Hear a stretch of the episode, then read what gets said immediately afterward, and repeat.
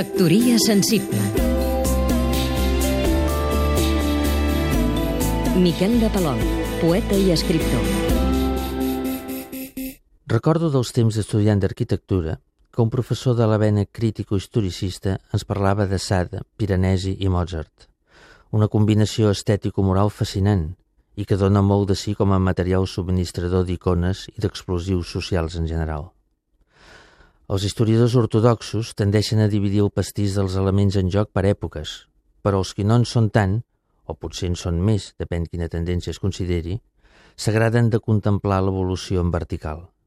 Sade, Piranesi i Mozart es poden considerar contemporanis, certament, i afegiríem Voltaire, Casanova, Goethe, Robespierre i el comte de Saint-Germain.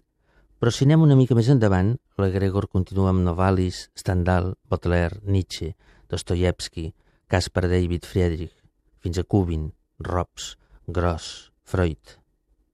No és la meva intenció fer-los la nòmina d'exploradors de la cara fosca de l'esperit.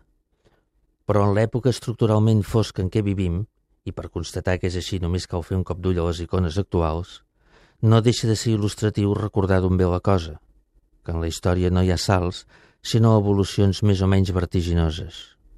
Mal que el vertigen del temps és una sensació, no una realitat objectiva. Factoria sensible